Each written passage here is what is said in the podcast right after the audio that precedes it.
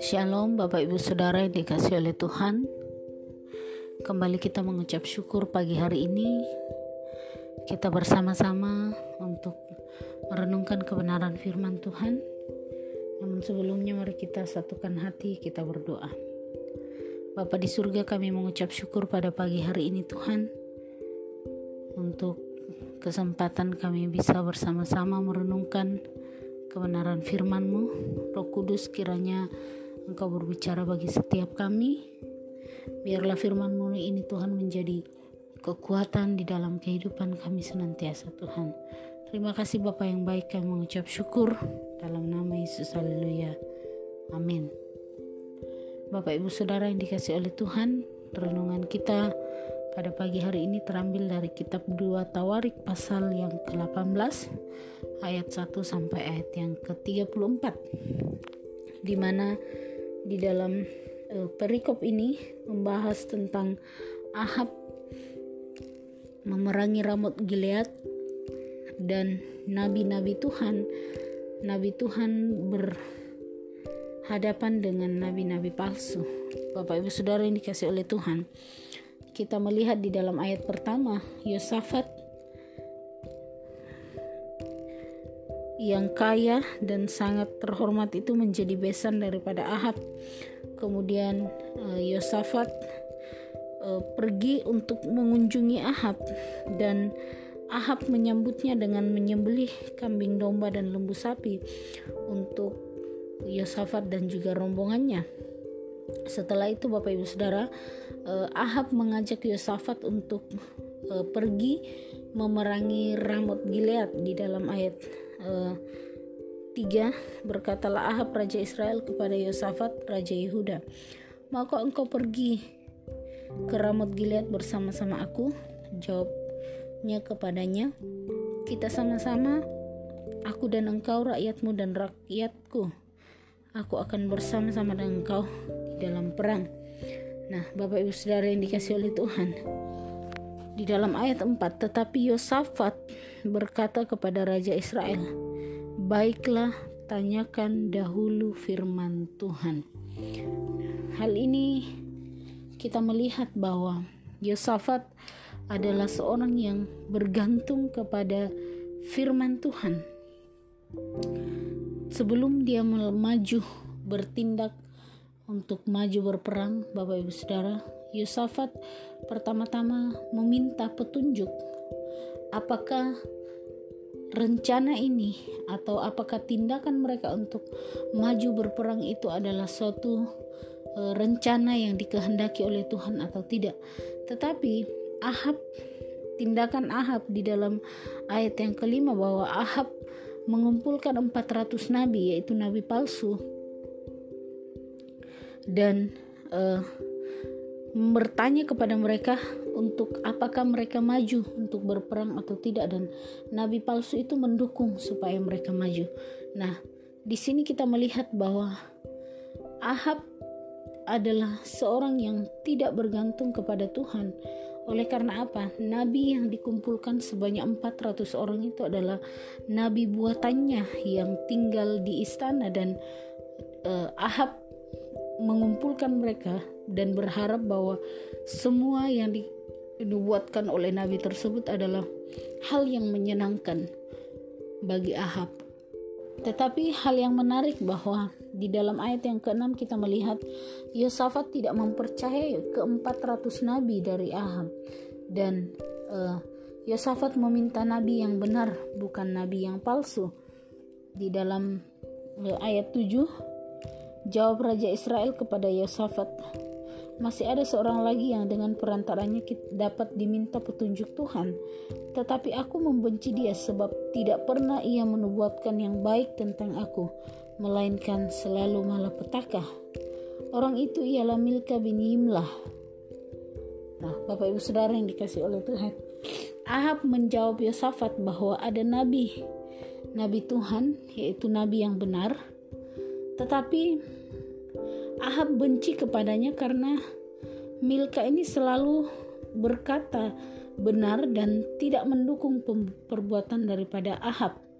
Nah, Bapak Ibu Saudara yang dikasih oleh Tuhan, di dalam uh, ayat ini kita bisa melihat bahwa kecenderungan dari orang yang jahat yang tindakannya tidak benar itu akan membenci orang yang benar.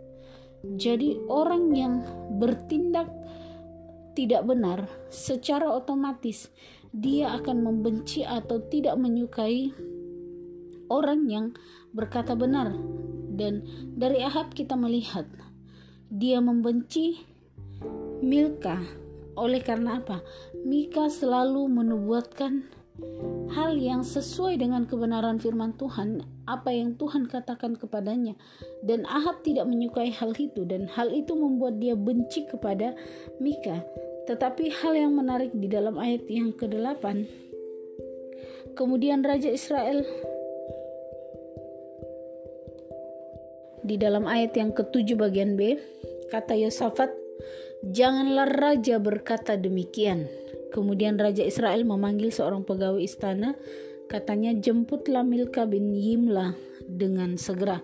Nah, Bapak Ibu Saudara yang dikasih oleh Tuhan di dalam ayat 7 bagian B, Yosafat menegur Ahab atas uh, sikap Ahab yang menaruh kebencian kepada nabi Tuhan yang benar kemudian akhirnya dia memanggil uh, Nabi Milka itu. Nah, di dalam uh, ayat yang uh, ketujuh dan kedelapan ini kita bisa melihat bahwa Yosafat melakukan hal yang benar. Dia menegur tindakan yang salah dan hal ini juga yang perlu kita terapkan dalam kehidupan kita sehari-hari. Kadang-kadang kita takut untuk menegur sekalipun kita tahu itu adalah perbuatan yang salah. Tetapi dari kisah Yosafat kita melihat bagaimana Yosafat memiliki keberanian untuk menegur Ahab atas kebencian yang ia taruh kepada nabi Tuhan yang benar itu. Dan kemudian Bapak Ibu Saudara yang dikasih oleh Tuhan di dalam ayat 9 Sementara Raja Israel dan Yosafat Raja Yehuda duduk masing-masing di atas tahtanya dengan pakaian kebesaran di suatu tempat pengirikan di pintu gerbang Samaria. Sedang semua nabi itu bernubuat di depan mereka. Maka Sedekia bin Kenan membuat tanduk-tanduk besi lalu berkata, "Beginilah firman Tuhan: Dengan ini engkau akan menanduk Aram sampai engkau menghabiskan mereka." Nah, Bapak Ibu Saudara yang dikasih oleh Tuhan, kita melihat bahwa nabi palsu, nabi-nabi palsu tersebut menubuatkan yang baik tentang Ahab supaya mereka pergi untuk berperang, supaya mereka tetap maju untuk berperang. Dan suruhan yang disuruh oleh Ahab atau orang yang diminta oleh Ahab untuk pergi menjemput Milka juga meminta Ahab di dalam ayat 12 supaya uh, Ahab atau Nabi Milka juga menubuatkan yang baik sama seperti ke-400 nabi palsu tersebut. Di dalam ayat 12 dikatakan suruhan yang pergi memanggil Milka itu berkata kepadanya ketahuilah nabi-nabi itu sudah sepakat meramalkan yang baik bagi raja. Hendaklah engkau juga berbicara seperti salah seorang daripada mereka dan meramalkan yang baik Nah, orang yang disuruh untuk menjemput Nabi Mika ini menuntut supaya Mika juga sepakat dengan ke-400 nabi nabi palsu tadi untuk men, supaya menubuatkan yang baik tentang Ahab. Tetapi Nabi Mika tidak mau mengikuti arahan dari orang suruhan Ahab, Ahab tersebut.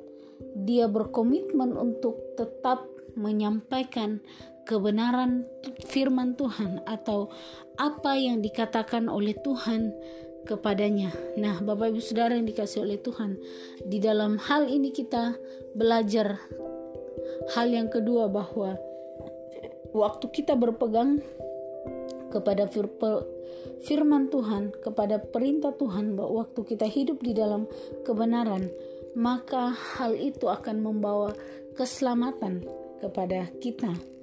Bapak Ibu Saudara yang dikasih oleh Tuhan. Jadi di dalam kehidupan kita, pertama-tama mari kita mengandalkan Tuhan di dalam seluruh aspek hidup kita dan Mari berpegang kepada firman Tuhan atau kepada kebenaran, karena itu akan membawa keselamatan kepada kita. Di dalam ayat yang ke-14, ketika Mika bertemu dengan Raja Ahab, kemudian di dalam ayat 15 sampai 16 itu Mika menubuatkan bahwa Israel akan tercerai-berai karena tidak punya tuan, ya. Karena Ahab akan mati jika dia maju berperang. Nah, di dalam ayat 17 itu Ahab mengatakan bahwa hanya malapetaka yang dinubuatkan oleh Mika kepada Ahab. Kemudian Raja Israel berkata kepada Yosafat, Bukankah telah katakan kepadamu, tidak pernah ia menubuatkan yang baik tentang aku, melainkan hanyalah malapetaka, kata Mika. Sebab itu dengarlah firman Tuhan. Aku telah melihat Tuhan sedang duduk di atas tata dan segenap tentara surga berdiri di sebelah kanan dan di sebelah kirinya. Dan Tuhan berfirman, siapakah yang akan memujuk Ahab Raja Israel untuk maju berperang supaya ia tewas di Ramot Gilead? Maka yang seorang berkata begini, yang lain berkata begitu. Kemudian tampillah satu roh lalu berdiri di hadapan Tuhan. Ia berkata, aku ini akan membujuknya. Tuhan bertanya kepadanya dengan apa? Jawabnya, aku akan keluar menjadi rodusta dalam mulut semua nabinya. Ia berfirman, biarlah engkau membujuknya dan engkau akan berhasil pula. Keluarlah dan perbuatlah demikian. Bapak Ibu di yang dikasih oleh Tuhan, nubuat Mika untuk Ahab supaya mendengarkan firman Tuhan dan nubuat tentang kematian Ahab di dalam uh, ayat 18 sampai ayat 22. Dan kita melihat di dalam ayat 23 sampai ayat 24 di mana salah satu nabi palsu atau nabi Sedekia itu melawan Mika. Dia menampar pipi Mika serta berkata, "Bagaimana mungkin roh Tuhan pindah daripadaku untuk berbicara kepadamu?" Tetapi Mika menjawab, "Sesungguhnya engkau telah melihatnya pada hari ini. Engkau lari dari satu kamar ke kamar yang lain untuk menyembunyikan diri." Berkatalah Raja Israel, "Tangkaplah Mika, bawa dia kembali kepada Amon, penguasa kota, dan kepada Yoas anak raja dan katakan begini tita raja, masukkan orang ini ke dalam penjara dan beri dia makan roti dan minum air serba sedikit sampai aku pulang dengan selamat. Nah, Bapak Ibu Saudara yang dikasih oleh Tuhan, di dalam pasal di dalam ayat 25 sampai ayat 26, Ahab meminta untuk memenjarakan Nabi Mika oleh karena nubuatan yang telah disampaikan. Tetapi Bapak Ibu Saudara yang dikasih oleh Tuhan, ini yang menjadi resiko yang kita hadapi waktu kita mengatakan kebenaran ya waktu kita mengatakan kebenaran suatu kebenaran akan selalu ada resiko yang akan kita hadapi yaitu tantangan daripada orang-orang yang uh, tidak ingin kebenaran itu diungkapkan. Kita akan mungkin akan dibenci kita akan dicela kita akan di, diasingkan dan lain sebagainya.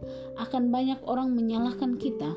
Tetapi sekali lagi bahwa kebenaran pada akhirnya akan selalu menang sekalipun ada banyak risiko dan tantangan yang akan kita hadapi. Di dalam ayat 28 sampai ayat yang ke-34 Sesudah itu majulah Raja Israel dengan Yosafat, Raja Yehuda ke Ramut Gilead. Raja Israel berkata kepada Yosafat, Aku akan menyamar dan masuk pertempuran, tetapi engkau pakailah pakaian kebesaranmu. Lalu menyamarlah Raja Israel, kemudian mereka masuk ke pertempuran. Nah Bapak Ibu Saudara yang dikasih oleh Tuhan di dalam ayat 28 sampai 34 ini, Ahab akhirnya pergi berperang melawan Aram dan Kemudian nubuat Mika itu tergenapi, dia mati terkena panah. Oleh karena ketidakpercayaannya kepada Nabi Mika atas nubuatan yang diberikan, tetapi dia lebih percaya kepada nubuat nabi-nabi palsu yang uh, menubuatkan yang baik tentang dia bahwa dia akan pulang dengan selamat. Nah, Bapak Ibu Saudara yang dikasih oleh Tuhan, waktu kita melawan kebenaran atau waktu kita melawan firman Tuhan, itu akan membawa kematian bagi kita atau membawa kebodohan bagi kita sendiri. Jadi Bapak Ibu Saudara yang dikasih oleh Tuhan, dari pasal 18 ini kita belajar tiga hal. Yang pertama bahwa mari selalu utamakan Tuhan di dalam setiap pengambilan keputusan yang kita lakukan. Apa pun itu, mari libatkan Tuhan dan utamakan Tuhan di dalam kehidupan kita. Yang kedua, kita belajar bahwa waktu kita berpegang kepada kebenaran firman Tuhan, waktu kita berpegang kepada firman Tuhan dan juga kebenaran, itu akan membawa keselamatan kepada kita. Tetapi yang ketiga, ketika kita melawan firman Tuhan, itu akan membawa kematian atau membawa malapetaka di dalam kehidupan kita. Pilihan ada di tangan kita. Kiranya firman Tuhan ini sekali lagi mengingatkan kita dalam menjalani kehidupan kita sehari-hari, di dalam situasi-situasi yang kita alami, kita punya pilihan berpegang kepada perintah Tuhan, ataukah kita mau hidup sesuai dengan kemauan kita sendiri. Tuhan Yesus memberkati.